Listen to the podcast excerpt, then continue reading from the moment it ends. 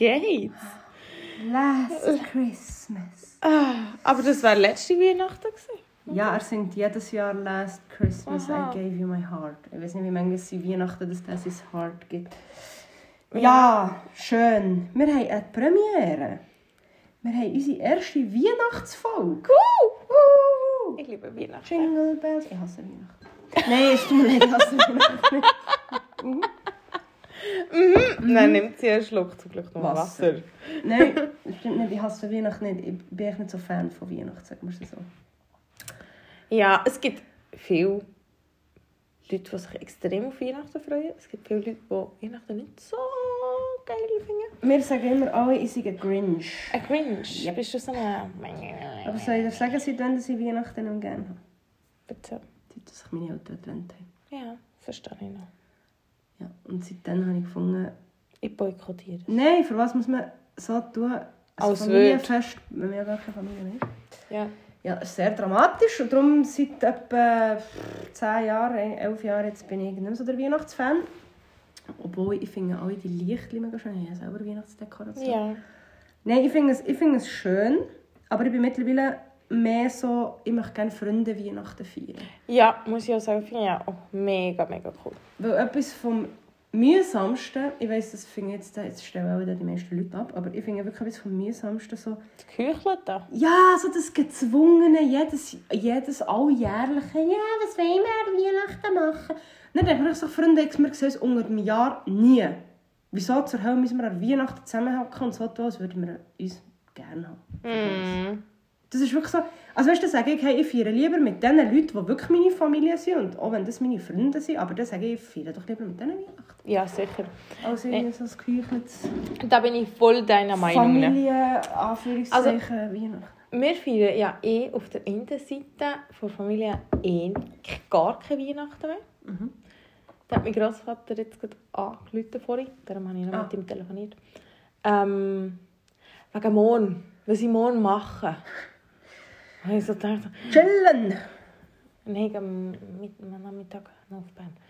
Dann hat er eben gefunden, ähm, Was kann ich? Entschuldigung. ah, ist ja schon Mann. ja, äh, was, gehst, was hat er gefragt? Ähm, er hat mich gefragt, ob ich kann das Weihnachtsbäumchen aufstellen Bei ihm? Oh nein. Und dann habe ich gesagt, ja, aber sie geben am Nachmittag noch zu Bern, ich komme erst auf die 5 Dann hat er gefunden, ja, aber um 5 Uhr sei es ja schon dunkel.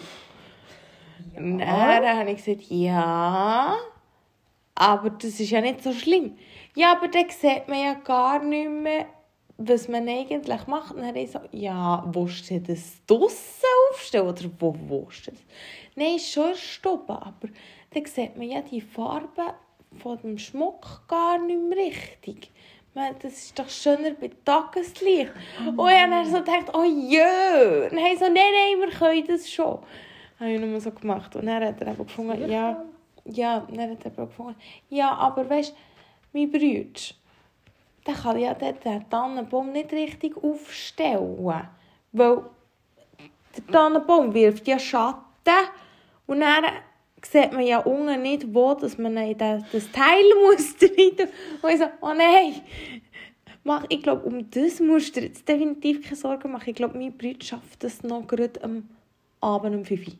Also die Brüder? oder Mein- sie mein Bruder. Aha. Ja, ja. Und er so, ja. Oh nein. Es ist dann schon herzig. Aber diese Seite feiert eben keine Weihnachten, in dem Sinn, hochoffiziell.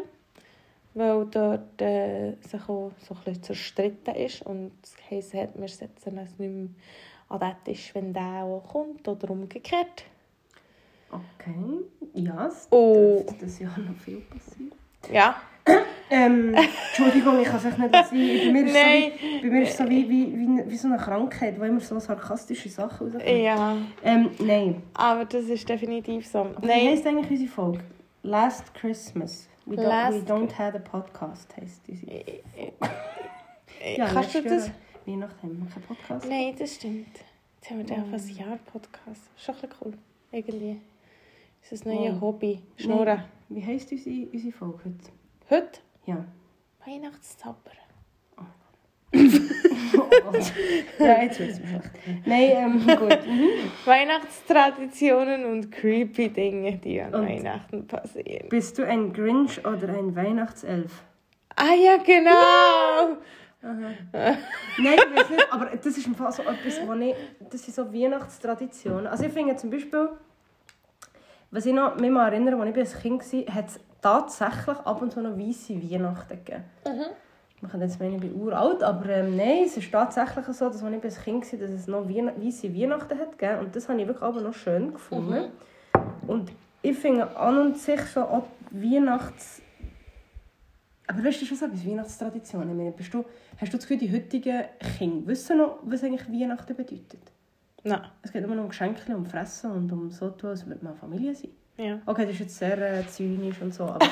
Nein, aber ich habe wirklich manchmal so das Gefühl, ich meine... Ja, ja, es geht nur um Konsumieren, Ich meine, konsumieren, konsumieren. Das Du hörst heutzutage so. ja, ähm, habt ihr schon euer Weihnachtsgeschenk? Also ich schenke im Fall schon ewig lang nichts mehr. Ja. Weil ich einfach so finde, hey, ich meine, wenn ich unter einem Jahr etwas sehe, wo, wo ich weiss, das gefällt dir, ich meine, wieso kann ich das nicht unter einem Jahr schenken? Ich bin im Fall noch froh, ich habe meinen mein Bruder zum Wichteln. Hä? Den sehe ich ja Ähm, vielleicht. Das wäre jetzt das nächste Thema gewesen. Aha, ja. Mhm. Nein, Wichteln. Nein, äh, was sind wir jetzt gewesen? Du hast vorhin noch etwas. Weihnachtstraditionen, Ja. Weihnachtsgeschenke einkaufen, wenn alle die Leute sagen, ich bin im Weihnachtsgeschenk-Einkauf Und Hönnen im Stress, Dann denke ja. ich mir so, ja, also sorry, erstens mal ist es ja freiwillig. Ich weiß nicht, ich bin nie im Weihnachtseinkaufsstress, weil ich ja nie Ich nicht. Weihnachtseinkäufe machen. Also mal, jetzt zum Beispiel beim, beim Marcel, bei den Kindern, denen schenke ich schon etwas. Aber ich meine, dann frage ich auch immer bewusst, hey, was wollt ihr, was könntet ihr brauchen? Und ich finde Mhm. auch immer so, der Müll, den man an Weihnachten geschenkt bekommt. Ja, ist abartig. Ich meine, die Huren, also vor allem Plastikspielzeuge. Ich meine, weißt, schenkt doch irgendetwas, was man wirklich auch brauchen kann. Irgendwie Bücher oder... Ich weiß doch nicht. Oder, oder wenn schon Holzspielsachen, aber... Ja, ja, ja. Oder Schmuck. Ja, Schmuck ist auch schön. Dann ist immer Schmuck. Nein, aber ich finde also eben die Weihnachtstraditionen... Ich glaube, die, heutigen Kinder die wissen gar nicht, was eigentlich Weihnachtstraditionen sind. Meine, meine Eltern haben aber nur flöteln Oder Weihnachtsgedicht aufsagen. Ja, aber kommen wir von mal vorne an. Was? Ja, ich finde der erste, die erste Tradition, die ich mega schade finde, wenn man es nicht macht, ist Adventskalender. Ja, finde ich auch mega schade. Ja. Wenn man letztes Jahr versprochen Ja, bekommt, dass man Scheisse, einen, Adventskalender bekommt. Und dann bekommt man einfach keinen. Mhm. finde ich auch mega schade, wenn man das nicht hat. Jetzt habe ich mir definitiv Ja, das eigenes das Ei hast- gelegt. das hast du ins Ups, Goal egal. Ich weiss noch, das Gespräch, das wir letztes Jahr geführt haben. Ich habe gesagt, du hast einen Adventskalender bekommen. Dann habe ich gesagt, hätte auch gerne mal wieder einen Dann habe ich Adventskalender. Gesagt, ich mache den nächsten Jahr Adventskalender. Was muss ich jetzt? Ah, das 18. Törli. Warte, ich muss schnell aufgehen. Wo ist mein Adventskalender? Ah, gar nicht. Ich mache den September Adventskalender. Ein September-Adventskalender? Ja, die Geburtstags-Adventskalender. Aha. Ich kann dir den Adventskalender auch zum Geburtstag schenken. Ja. Das hat Darfst mal nicht auftun. eine Kollegin gemacht. Die hat mir mal für jeden Monat ein Geschenk gemacht. Das ist mega cool. Das würde mich anschießen. was? Ich habe mich da verdammt dran gehalten. Ich habe immer nur jeden Monat eins aufgetan. Ähm, Also, nein, aber zuerst mal Adventskalender. ja, finde ich das noch so eine schöne Tradition. Obwohl, ich muss zwar sagen, ja, ich habe am 10. Dezember Geburtstag und wir haben früher immer ähm, so beide, also ein Adventskalender für mich und meine Brüder gehabt. Und meine Mami hat immer geschaut, dass es dann aufgeht, dass meine Brüder am 10. das Geschenk auspacken Das ist schon mega fies. ja, habe ich eben auch gefunden. Weil, sorry, es ist mein Geburtstag. Wieso zur Hölle muss mich kleine Brüder dann ein Päckchen auspacken? Es geht nicht. Aber das geht im Fall viel. Es geht einfach nicht. Ja. Es ist weder Gleichberechtigung. Ich bekomme kein Geschenk an seinem Geburtstag. Wieso zur Hölle bekommt er ein Geschenk? Das ist aber das Gleiche wie viele Leute. Also das geht nicht. Schnell wieder Abschweifer, aber wir heißen ja auch die Abschweifer, oder? Es gibt hure viel, wo, wenn ich an einen Kindergeburtstag gehe, ist hure oft auch schon gefragt worden, ja, wollen wir einem Kleineren oder einem Älteren auch noch etwas bringen? Ich so, nein, warum zur Hölle? Es ist am anderen sein Geburtstag. Warum muss das Kleinere oder das ältere Geschwister an diesem Geburtstag auch etwas bekommen? Ja, Er hat ja auch einen eigenen Geburtstag. ja, Also das, das verstehe ich nicht. Ja. Ich meine, wenn du jetzt Geburtstag hast, oder wenn du, ich habe jetzt keine. Schwester, die, aber wieso muss die Brüder schon ein Geschenk bekommen? Oder an an seinem Geburtstag? Wieso musst du? Nur weil du dich nicht benachteiligt fühlst. ja, Das ist ja dein Geburtstag. ja. Es ist ja etwas Hallo? Spezielles. Aber Item, aber zurück zum Thema Adventskalender. Adventskalender. Schön, merci für den, der mir das hast geschenkt Ja, bitte. Sehr gerne geschehen. Ich habe mir so Mühe gegeben. Ja, das ist mega schön. Er besteht aus Luft. Und Liebe. Ah, ja, okay. Nein, Adventskalender habe ich auch immer gerne gehabt. Das. Das, ist so, das finde ich so eine schöne Tradition. Mache ich aber auch gerne. Ja. Ich gehe eigentlich auch. Ah, das glaube ich dir jetzt nicht. nein, nein. Ähm, Nein. Das ist so, so eine Tradition, die ich gerne... Und dann eben, die Tradition bei uns ist Bäumchen schmücken beim Grosspapi. Mhm. Aber dass wir das jetzt schon machen, habe ich nicht gewusst. Dass Ja, das gut. so spontan ist. Also in weniger als einer Woche ist Weihnachten. Ja, also weißt du, wir hätten auch am Montag können, wir hätten am Dienstag können. Also von dem her. Aber ja, Item, Ja. spielt ja keine Rolle. Was gibt es noch für Traditionen? Ah, ab wann findest du, ist es okay, Weihnachtsbeleuchtung herzutun? Ab meinem Geburtstag. Ich finde eigentlich schon ab dem 1. Dezember finde ich es okay. Ja. Aber was ich gar nicht kann haben, ist, wenn der... Wenn das blinkende Rentier irgendwo noch immer hersteht. Ja. Oder irgendwie der Sammy Klaus, der noch immer runterklettert oder raufklettert. Oder Okay, das finde ich Das auch... so- Nein, so- aber so wie wenn ist sie das im? September schon Weihnachtsdeko in den Läden oh, haben, das ist so... dann... So geht's. Nein. Nein, das, aber sonst so Weihnachtsdeko, also so Weihnachtsbeleuchtung finde ich selber auch mega Ich schön. muss zwar zugeben, ich habe im November, also Ende November, habe ich auf Weihnachts ähm, Filme schauen. Weihnachtsfilm? Weihnachtsfilme auf Netflix habe ich, ja, also Love Stories, so Weihnachts-Love Stories oh. mit allem Möglichen und weiss gucke was und Klingebing und Stille Nacht, Heilige Nacht und so weiter und so fort. Item. Stille mich du. Aber weißt du, weißt, weil es einfach so gute Laune hat gegeben. Weißt du, wie ich meine? Ich habe ein bisschen gute Laune braucht. Okay. Darum, Weißt du, was ich mega schade finde? In der Mhm. Weihnachtszeit kommt mega oft im Fernsehen, dann kommen immer die guten Filme. Ja. Aber nur in der Weihnachtszeit. ja, sonst im Jahr durch kommt es nie. Nein. Das finde ich aber noch so... Oder eben immer so die... Ich muss die, jetzt ähm, das Ads-Programm anschauen, für das, was ich aufnehmen will. Weißt du, was eine schöne Tradition ist? Also, ich weiß nicht, ob das eine Tradition ist, aber was ich auch gerne mache, ist Giezibach. Hey, wir haben das letztes Jahr zusammen gemacht. Wieso haben wir das bis jetzt noch nicht gemacht? Ja, wir können es immer noch. Wir können ja Silvester Giezibach. Ah ja. Ja. Last Silvester, I give you my heart. Ich habe noch okay. einen Giezi-Teig im Kühlschrank. ich habe ihn nicht selber gemacht. Ja, ich weiß, Entschuldigung. Ah, wir können jetzt noch kitzeln. Hä? Jetzt? ja, wir gehen jetzt noch jetzt. Zeit, sag ich. Es ist erst Ah. 20 gemacht. Oh, Scheiße. Ja, ich bin alt, ich muss Es ist Samstag, es ist 20 gemacht. Oh, muss ich jetzt weg? Und die andere denkt schon. Ja, es ist schon seit vier Stunden schon dunkel und dann jetzt gehört es ist schon 10. Ja. Und wir haben Weihnachtstradition Nummer 5. Oder 4. Was gibt es noch? 25. Dezember, morgen, vor dem Fernsehen, meine Weihnachtstradition. Heisse Schocke, Flauschi-Söckli, Trainerhose, Kuscheldecke vor dem Fernsehen und drei Nüsse für Aschenbrötchen. Das ist meine Weihnachtstradition am 25. Morgen. Jetzt hat er das Geheimnis verraten. Und das mache ich immer. Ich habe den Film noch nie gesehen. Du bist so schlimm. Nein, das ist fast schon so, wir haben schon so viele Leute ver verachtet wegen dem. Weil alle, die nicht kennen, sagen immer, ah ja, drei, was, Aschenbrödel? Nein, Drei Nüsse für drei Aschenbrötel. Haselnüsse oder Baumnüsse Ja. oder Ah, Cashewnüsse. Haselnüsse. Für Aschenbrödel. Dann habe ich gesagt, ah ja, wieso, das ist mega schön, wieso habe ich noch nie gesehen. Und ich sollte noch schon etwa seit drei Jahren schauen, aber Also 25. Morgen bei mir. Nee. Brunchen. bei mir, bei mir ist immer so, ähm, Weihnachtsfilmtradition ist bei mir immer so Kevin allein zu Hause. Ah, da kann ich nicht mehr Mann, schauen. das ist für mich so der Weihnachtsfilm schlechthin. Das ist Ja, ja, es ist okay, aber ich habe schon Der so Kevin, viel gesehen. so, Mann, das ist schon geil. Das ist schon ein geiler Film. Oder Kevin Dann allein in die, New York. dann kommen die einbrechen. Ja. Dann, äh, Wow! BAM! Was für ein Loch! Harry, ich bin jetzt ganz oben! okay, ja. Ähm, Du kannst ja, ich sage ja, der schaut etwa jedes Jahr. Ja, ich komme so- drei Nüsse für Aschenbrödel. Aber er hast doch drei Haselnüsse. Nein, du kannst drei Nüsse sagen. Wieso nur drei? Weil sie drei Nüsse bekommt. Wieso nur drei?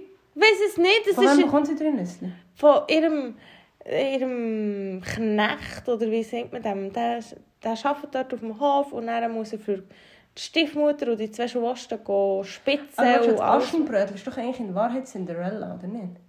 Ja, Cinderella ist Disney-Version. Eigentlich ist es Aschenbrödel. Aschenbrödel! Ja! ein geiler Name. ja! Aschenbrödel. Sie sagen es so. Ja, was sie macht jetzt Aschenbrödel mit diesen drei Nüsse? Sie tut sie näher hinterher schiessen. Woher? Einfach so über, über die Schulter. Und dann kommt das Kleid raus. Moment schnell. Ist nicht gleich wie Aber Cinderella. die Cinderella hat doch... Nein, ist nicht gleich wie Cinderella. Aber da gibt es doch so eine Fee, die ihr dann so eine Kutsche... ja, das ist. Das, aber Schatz, das ist. Das ist Disney-Version. Ja, was macht sie dann mit dem mit eben Nüsse? Dann kommt aus dem einen ein Kleid raus und im anderen ein Ja, Prinz und im anderen nein, das erste, was sie schießt, hinterher kommt so eine, wie soll ich das sagen, so, so zum Anlegen, für zum Reiten, wie als Jäger. Und dann geht sie reiten und dann trifft sie dort den Prinz. Und dann schießt sie eigentlich durch den Vogel ab. Das Fabi könnte das nicht schauen. Und dann... Also im wahrsten Sinne, das Wort schießt ja auf Apple. Äh, äh, ja, das Fabi, ja.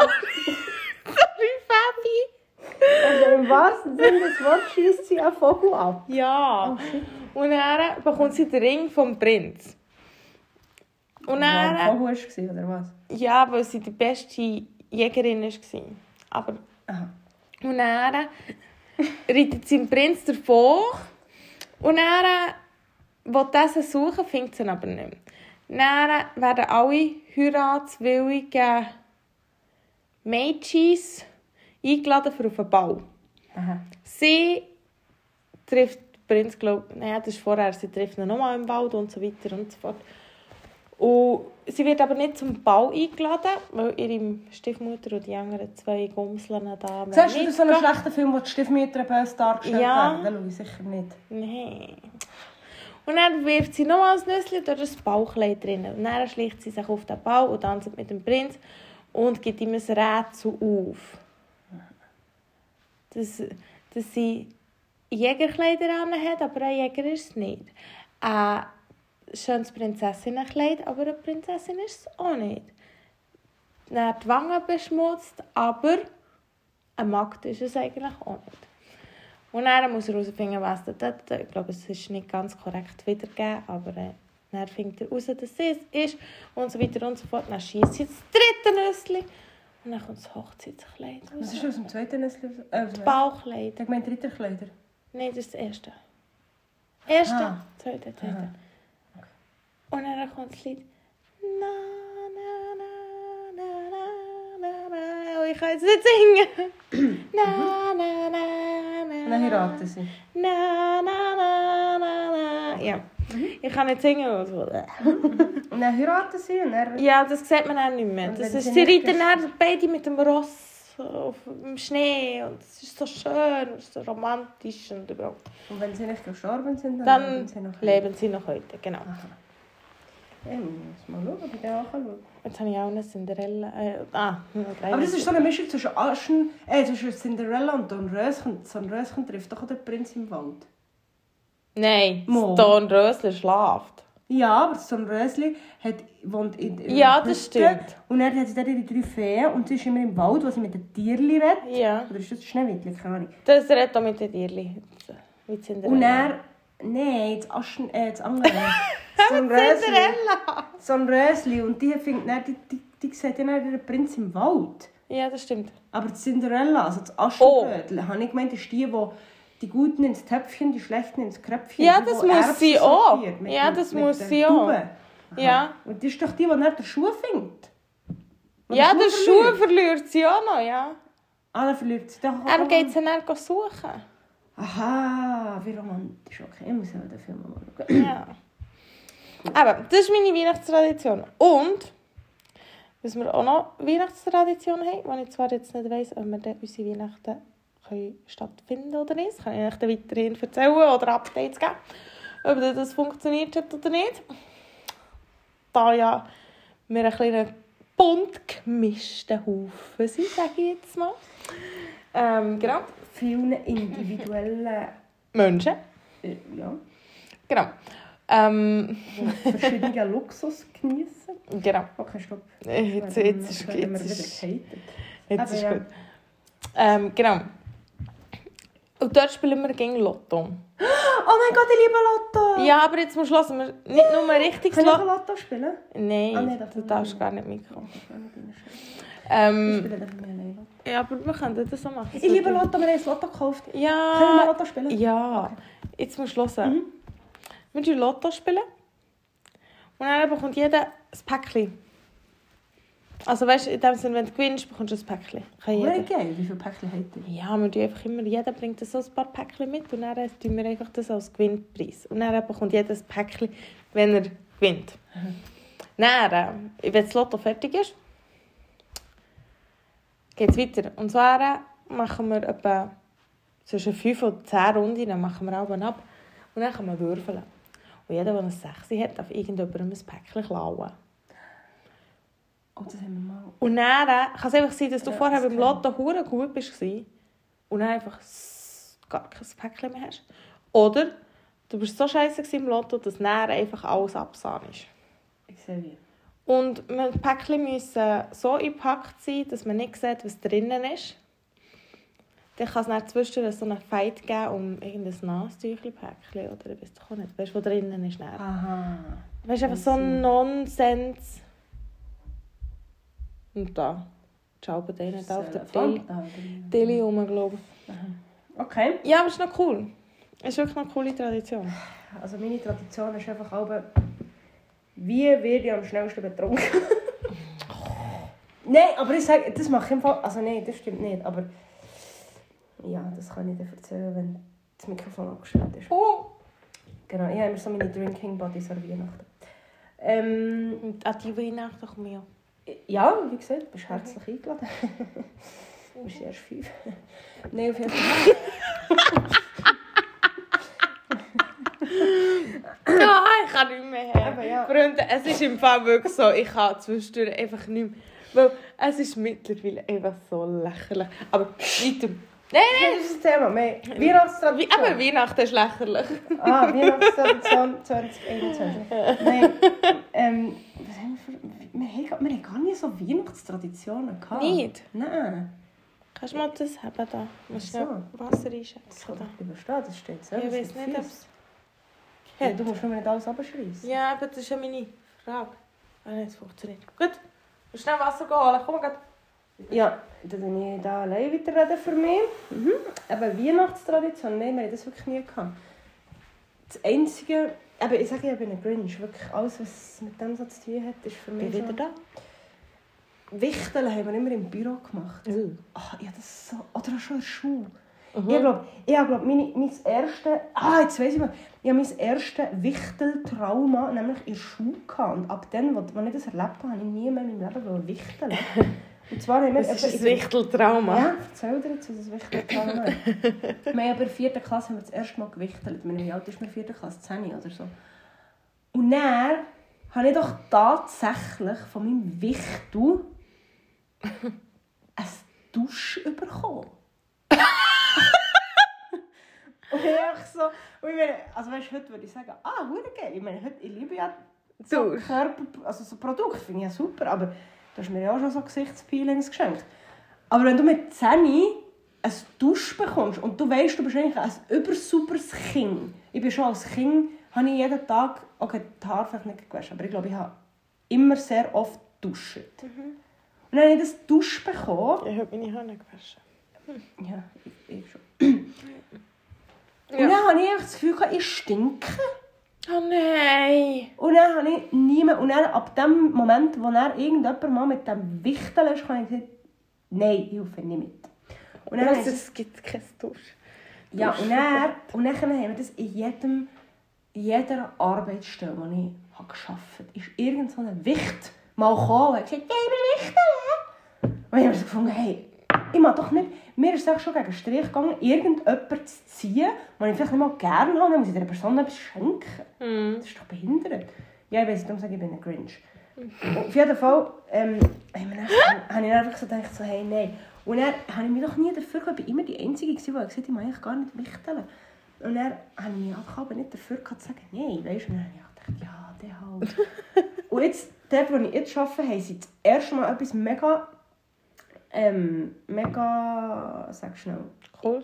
Nein, etwas, etwas wo, wo wirklich noch Sinn macht. Wir haben so eine Liste abgespeichert mit Do's und Don'ts. Also alles, was du gerne hast, was du gerne bekommst oder was du nicht gerne bekommst. Dann hast du das können aufschreiben. Oh. Das war verdammt cool. Gewesen, weißt? Und dann hast du wenigstens Zeug bekommen, das du gerne hast und nicht ein Dusch oder Duftkerzen. Oder sonst irgendetwas Komisches. Ja, der so safe Duftkerze gekauft. Auch. Nein, ab, nein, aber sagen, heute, Ich wenn ich eine. Safe, eine feine Seife bekomme, ich meine, finde ich das super. Ja, ja, oder ja, feines Dusch. Aber ja, wenn du 10 bist und bekommst ein Dusch, dann ist dein Selbstwertgefühl vielleicht mal am Arsch. Und du denkst, oh mein Gott, Ich habe ihr stinke. siebten Klasse haben wir eins von einem Bub dann bekommen in unserer Klasse. Ein Wichtelgeschenk. Ein Tassli, wo drauf ist gestanden, ohne dich ist alles tot. Oh je, nein, eine Herzig. Und er war eben auch verliebt in mich. Und ich konnte das nicht, können, weil ich überhaupt nicht in ihn verliebt war. Oh nein, und gefunden habe, nein, das geht gar nicht. Hallo, ich habe ein Dusch bekommen. Ah. Dafür bin ich dann gecancelt worden. Und. Yeah. darum, oh, aber dann bin ich gecancelt worden, von wegen... Der liebt Jasmin, der liebt Jasmin. Ja, das haben wir bei uns auch gemacht. Ja, aber das habe ich nicht gern. Aber das ich ist ja mal traumatisiert von so Zeugs. Du ich gemobbt worden mit so Ja, Sachen. Aber, aber das war schon in dieser Zeit. gewesen? Er hat vielleicht nicht gewusst, wie er, sich, wie er seine Liebe Ja, er war mega herzig. gewesen. Es ist Oh wirklich nein, herzig. das tut mir dann aber leid. Aber ich hatte das noch. Ja, ich habe es nicht es nicht Nein, ja, ich hatte das noch. Ah je. Mhm. Weißt du, wem das ist? Ah, Mutter ist es, ja. Ich weiss, von wem es ist. Vielleicht ist das dein zukünftiger Mann. Nein. Ah, okay. Ähm, ja. Genau, das würde mir übrigens nicht wichtig. Oh, wie schade. Ja, ich muss meinen Bruder wichteln. Nein, Das aber apropos, das ist im Fall, nein, meine im Büro, aber das Aha. ist im Fall etwas, was ich gerade letztens an Marcel gesagt habe, was ich gerne nächstes Jahr machen Wichteln? Weil, nein, jetzt los, ich finde, weißt du, was ich hure geil finde? Das hat ein früherer Arbeitskollege von mir hat das immer gemacht, in seiner Familie Schrottwichteln. Oh, das Ich ist finde das, geil. also, wie soll ich sagen, Schrottwichteln? Nicht, dass man, dass man einander Scheissdreck schenkt, sondern wenn ich jetzt zum Beispiel, ich weiß es nicht, ich habe jetzt äh, Kerzenständer, den ich finde, okay, den kann ich nicht mehr brauchen. Vielleicht kann ich jemand anderes brauchen, das ist nicht so wie ein Brocki, Wichteln einfach. Aber Ja. Zeug, wo, ich habe gesagt, oder vor allem es ist es doch ein nachhaltiger. Ich meine, du schenkst jemandem etwas, was du schon hast, du gehst nicht extra etwas kaufen. Ich meine, wenn ich jetzt zum Beispiel weiss, du lesest hure gerne. Okay, du lesest es nicht gerne, aber ich weiss, es, du lesest zum Beispiel gerne. Und jetzt habe ich mega viele Bücher, die ich gelesen habe, die ich aber nicht mehr lesen will. Dann ist doch das ein mega gutes Geschenk für dich. Ja. Ob du dann die Bücher lesest oder nicht, spielt dann nicht keine Rolle. Aber- Ja. Und gesagt, Das ist wie das Ding. das finde ich etwas Cooles. Der Familie wichtig. Ja. Aber nicht im Büro. Weil ich meine, ja, sorry, im Büro ziehe ich vielleicht jemanden, wo ich so denke, oh mein Gott. Wir könnten, wir könnten Schrottwichteln machen. Wer? Wir? Du und ich? Also- Unter, unter unserem Weihnachten. Aha, Im Sauf-Weihnachten. aha. Ja, können wir. Ja, aber Nein, da, ich, nein, ich organisiere ein Lotto. Also wir haben schon Lotto. Ja, aber Geschenke. Ja! Oh, sorry. Ich liebe, nein, wirklich, ich liebe Lotto. Ich finde das so etwas Tolles. Ich mache das so gerne. Die Kleinen auch da? Nein, die sind am 24. Aber ich bin eben mit, mit der Kleinen bin ich eben in ihrer Brocke und dann haben wir eben- Mm. haben wir eben das Lotto gesenkt. Dann jetzt haben wir das schon tausendmal gespielt eben, und dann haben wir das eben immer mit Subus gemacht und dann ist es noch schlecht geworden am Schluss. Aber ich liebe Lotto. Ja. Was Ja, gibt es noch für Weihnachtstraditionen? ich weiß es gar nicht. So Gütebach und so ist sicher Tradition. Ja. Weißt du, was ich gerne mal erleben will? Was? okay, das ist jetzt nicht Hercoach, auch für jeden ein bisschen klar, der mich besser kennt. Ich möchte mal gerne Weihnachten in Amerika feiern. Aber wirklich mit allem drum und dran, mit richtig pompösem Lichterketten, ganz, das ganze Haus geschmückt, mit einem unhuren fetten Weihnachtsbaum, mit Strümpfen, die am Schmine hängen, mit, mit, da würde ich auch sogar Fleisch essen, Nein, okay, das würde ich vielleicht nicht machen, aber so einen richtigen fetten äh, Schmorbraten, ich würde nicht anschauen und denken, ah, ja, es geht schön aus, ich würde ihn nicht essen, aber einfach so, das möchte ich mal. Mhm. Ja, Ja. das möchte ich gerne mal erleben. Oder Christmas Shopping in New York, auch wenn ich gar nicht brauche. Das heißt, jetzt bin ich so ein Konsumopfer. Das ist das Konsumopfer. Ja, aber das das aus ich gerne. spricht. Ja, ich weiß. Aber, eben, das ist, aber hier finde ich immer so, das ist wirklich so etwas, was mich an Weihnachten wirklich stört. Wenn ich so finde, es ist immer so, also das ist vielleicht bei unserer Familie schon immer so das Problem gewesen, man trifft sich immer an Weihnachten, aber unter dem Jahr durch hat man sich eigentlich nichts zu sagen. Und das Ja. finde ich immer so, hey, für was muss ich die Leute sehen, wenn ich sie durch das Jahr durch nicht einmal sehe, wenn sie mich durch das Jahr durch nicht einmal fragen, wie geht es dir, wie, wenn ich nicht frage, wie geht es dir, für was muss ich mit denen an, an einem Tag im Jahr an, an, Tisch hocken und so tun? Und, ah ja, und wie läuft es so beim, beim Arbeiten? Darum habe ich dann das Lotto erfunden, dass man eben nicht muss Dass man nicht muss darüber man reden Smalltalk muss Ja, voll. Ja, darum mache ich immer... Ah, Glühwein! Glühwein, das ist so, ist so nicht eine Weihnachtstradition, Aber so einfach eine Wintertradition. Okay, das sind so, als wäre ich Alkoholiker, aber... ja, ich, ich, Ja. ich gerne ich gerne alle Formen in Wein. Ob kalt oder warm, eins. Nein, finde ich bin einfach so- Fan von Turboros. Das hast du probiert an meinem Shit, Geburtstag. das war geil. Das war wirklich fein. Zuerst habe ich nicht wollen, Zuerst hat sie nicht wollen. Sie hat sich gesträubt. Zuerst ich so, was willst du Turboros? Und dann hat sie so, nee, Ja, Rosé. Ja, du hast, ja, ja, darum nicht gern. Ich, eigentlich mag ich darum keinen Apfelsaft verleiden. Wo du mir, und Ingwer habe ich sowieso nicht gern. Und Wodka Ja. eigentlich auch nicht. Es ist Most. Es ist kein normaler Apfelsaft. Das ist der Unterschied. Das eine ist drüber. Ja. Ja, aber es ist trotzdem, Selbst gepresst, ohne irgendwelche Zusatzstoffe. ja, ja, aber es ist trotzdem verdauungsfördernd. Ja, das Also, auf ja. jeden Fall, ja. Man es ja nicht verleiden. So, das, hast du schön ausgedrückt. Ja, Wow. ich kann ja nicht sagen, ja. Ja. Wörter? Ja, ja, ja. Auf jeden Fall, ähm, genau. Nein, aber Turboros hat sie jetzt gern. Ja, das ist wirklich fein. Habe ich dann gerne, hat sie gleich probiert. Aber das merkt man gar, man merkt gar nicht. Nein, Das überhaupt ist ja ganz nicht. krank, das ist ein gefährliches Getränk. Das ist mega gefährlich. Genau. Also ich muss sagen, ich habe vielleicht viel gehabt. Gut, Aber- beim, beim Glühwein, oh, ich habe ja letztes Jahr ja Glühwein selber gemacht, das war fein. Ja. Das war wirklich fein. Was ich aber ein Gewürz, oder in dem Sinne, was ich überhaupt nicht mehr habe, sind Zimt. Was? Ich habe gerne Zimt. OMG, das ist eben das beste Gewürz, was es gibt. Ich hätte gedacht, du sagst Nägeli oder Ja, Nägeli habe ich auch nicht Ah, ah, gern. Äh, ah, Anis oder... Nägeli habe ich auch nicht Nägeli gern. Und Anis habe ich auch gar ja, nicht das habe ich auch gar nicht gerne. Aber Zimt finde ich auch nicht so prickelnd. Aber Zimt tust du auch gar nicht drin. Einmal, du tust Zimt Ja. schon. Also ja, nicht, man tut ja nicht viel drin. Gut, aber ich habe auch ich nicht gerne Anis und Nägeli im Fall. Aber im Glühwein finde ich es sehr fein. Da Ja. gehört es wieder rein. Ja, nein, Glühwein stört es mich ja nicht so. Aber ich finde jetzt so irgendetwas, das nach Zimt schmeckt. Oder so. Oh, Nein. Zimt. Ich liebe Mm-mm. Zimt. Ich tue über mein Kaffee Zimt, ich tue über mein Müsli Zimt. Ich liebe Zimt. Nein. Oh Gott, du bist du... Wa- Warte schon, warte schon, das ist jetzt völlig wieder ein anderes Thema, aber wenn wir von Zimt reden, du bist jetzt Hawaii gewesen. Yes. Willst du mir sagen, du bist nie in einem Cinnabon gewesen? Kennst du das? Nein, Das ist so wie Kentucky Fried Chicken, einfach für Zimtprodukte. Und dann gibt es Zimtstangen und Zimtschnecken und Zimtöpfel und Zimtberliner. Ja, aber und... Zimtschnecken habe ich gerne. Oh, das ist der Himmel. Das ist Zimtschnecken so habe ich gerne, aber der Rest ist so alles so... Mm. Mm, Cinnabon. Oh Gott, ist das fein. Das ist... Cheesecake Factory Ja, ich habe Cheesecake. Ah, ist so geil. Das ist so wie Dunkin' Donuts. Ja, Okay. Dunkin' Donuts. Wir sind dann bei der Gut, wir sind wieder zu Amerika gelandet. Ja. Wieso landen wir gegen zu Amerika? Ja, hören schön. es aber gerne. ähm, was gibt es noch für Weihnachtstraditionen? Ähm... Schlittenfahrt? Schlitten- Ja, aha. Nein, wir haben immer, also Tradition in dem Sinne, bei uns war der Ablauf immer so, gewesen, dass man zuerst gegessen hat und erst nach dem Hauptgang hat Kerzchen angezündet, singen. Oh, du Frauliche. Oh, Jesus du. Christ. Mhm. Ähm, Ja. Ja. Und erst dann hat man ein Päckchen dürfen haben. Ja. Und letztes, letztes Jahr, nein, nicht letztes Jahr, vorletztes Jahr, ich glaube vorletztes Jahr, sind wir bei meiner Mami. Gewesen. Und dann haben meine zwei Cousins, die sind beide klein. Also jung oder klein? Klein. Aha. Also jung. Ja, also... Also Babys. Ja, ja. Also nicht Babys. Ähm, der eine ist, glaube ich, anderthalb oder andere drei oder vier oder so. Aha.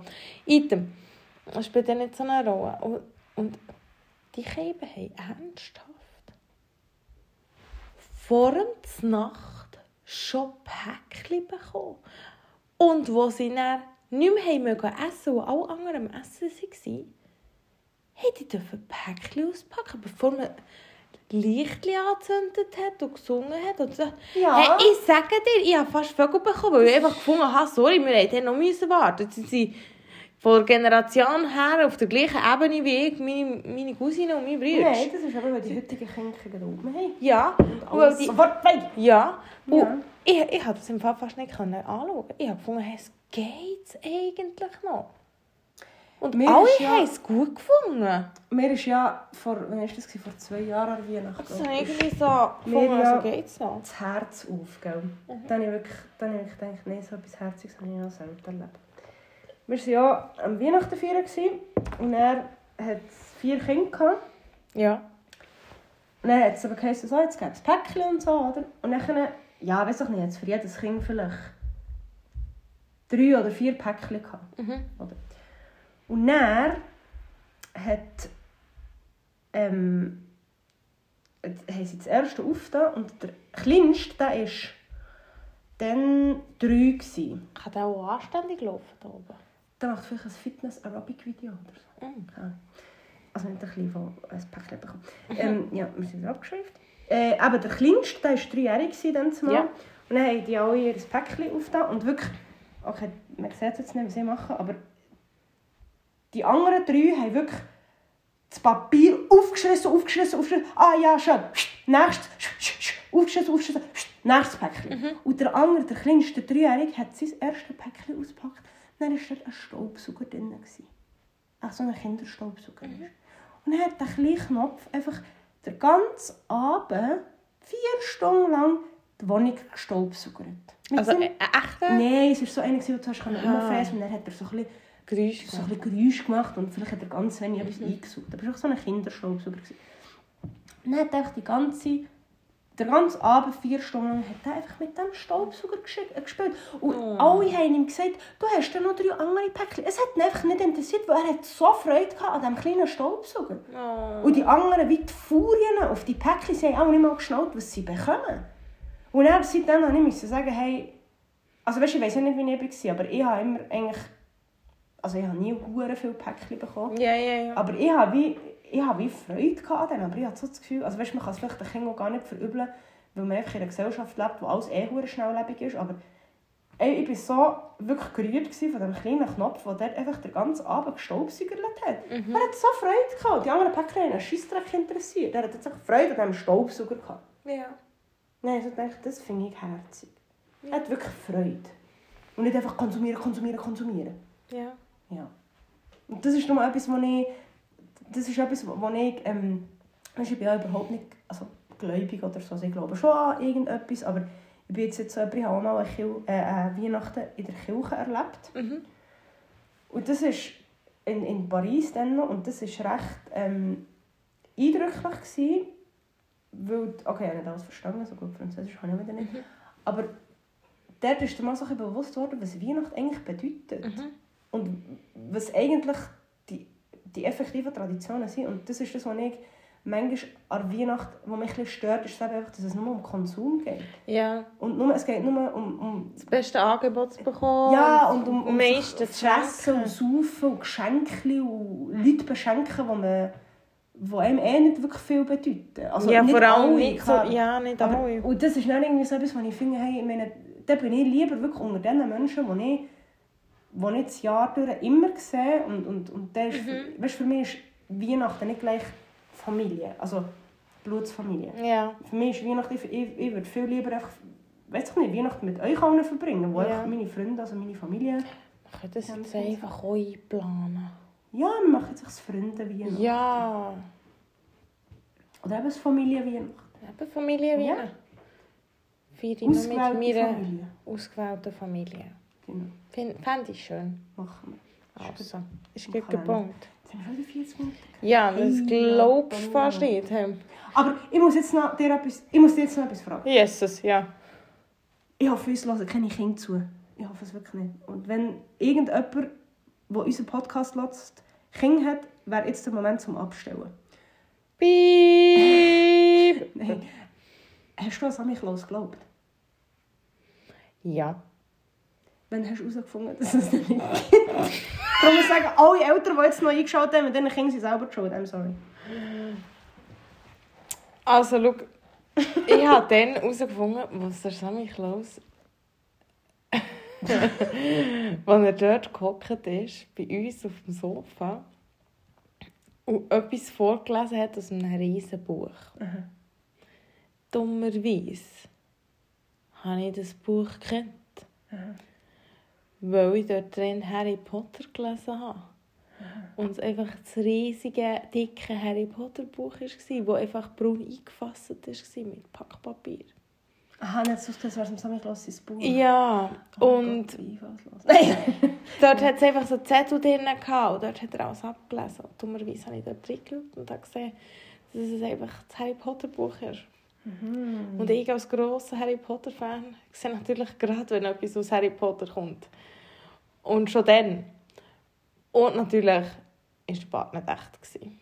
Das ist natürlich noch das andere. Aber, es ist dir jetzt so muss gestehen, Oh, Achtung. Du glaubst an Osterhase. nein, ich weiss nicht, wer das war. Mhm. Ich kann dir es nicht sagen. Und ich habe meine Mami schon ein paar Mal gefragt. Weil ich, ich bin alle Leute durchgegangen. Ich kann dir nicht sagen, wer es war. Auch von der Stimme her, ich kann mich nicht mehr erinnern, ich kann dir nicht sagen. Ich weiß einfach, dass es ihn nicht gibt. Und meine Mami sagt steinhart immer noch, es war der echt. steinhart. Aha. Also Hat sie es bis jetzt- bist du jetzt? 25? 26. Sie zieht jetzt steinhart immer noch durch. Und sie hat mir, als ich 21 geworden habe ich gesagt, so, jetzt sagen wir es dem mal. Und dann hat sie mir gesagt, ja, ich sage dir es dann mit 21. Dann bin ich 21 geworden. Und ich habe gesagt, so, Mami, jetzt sollte ich wissen, wer der Sammy Klaus war. Und dann ist sie so, ja, der recht.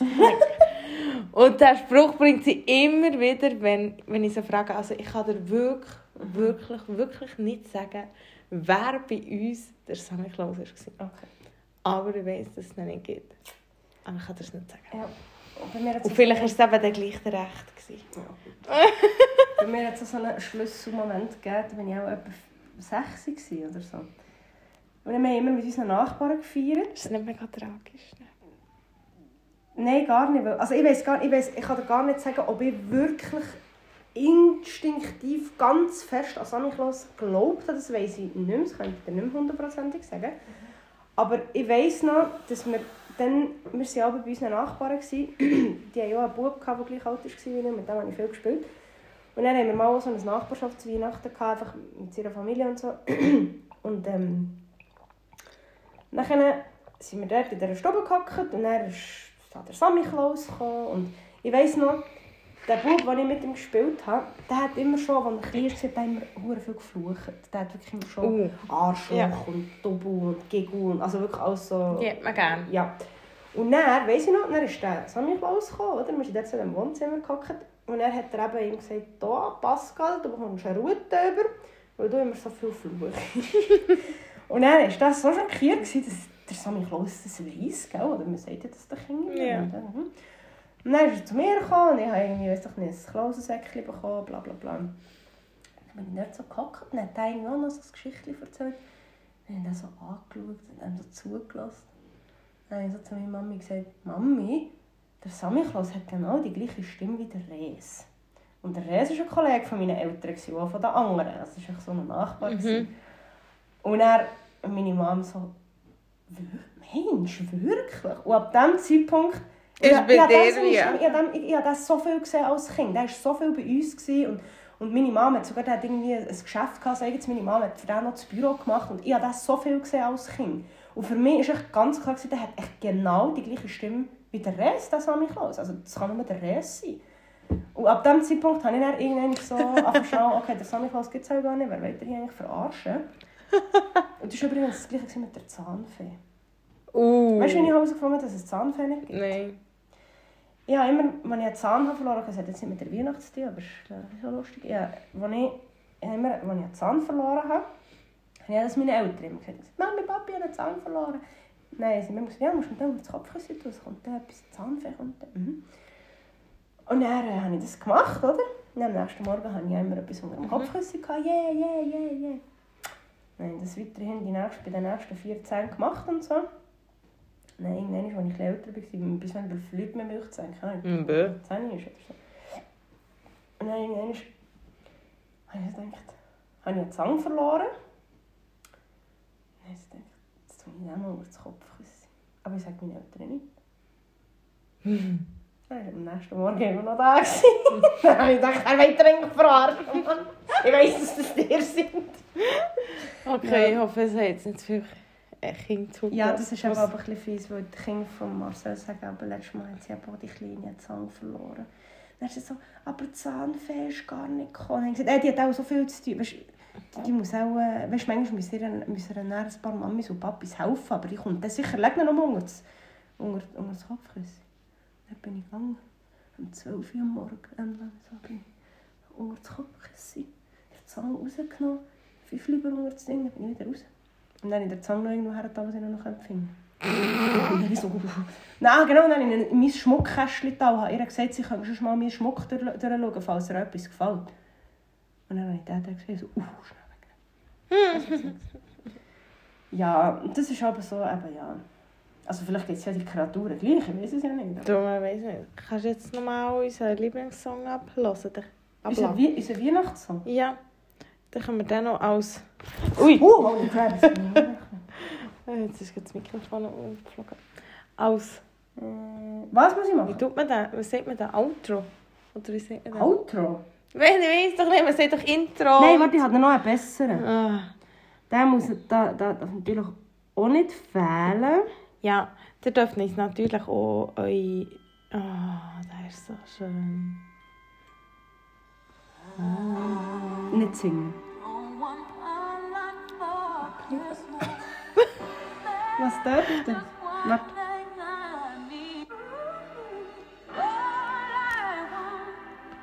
Das ist zu laut. Entschuldigung. Warte.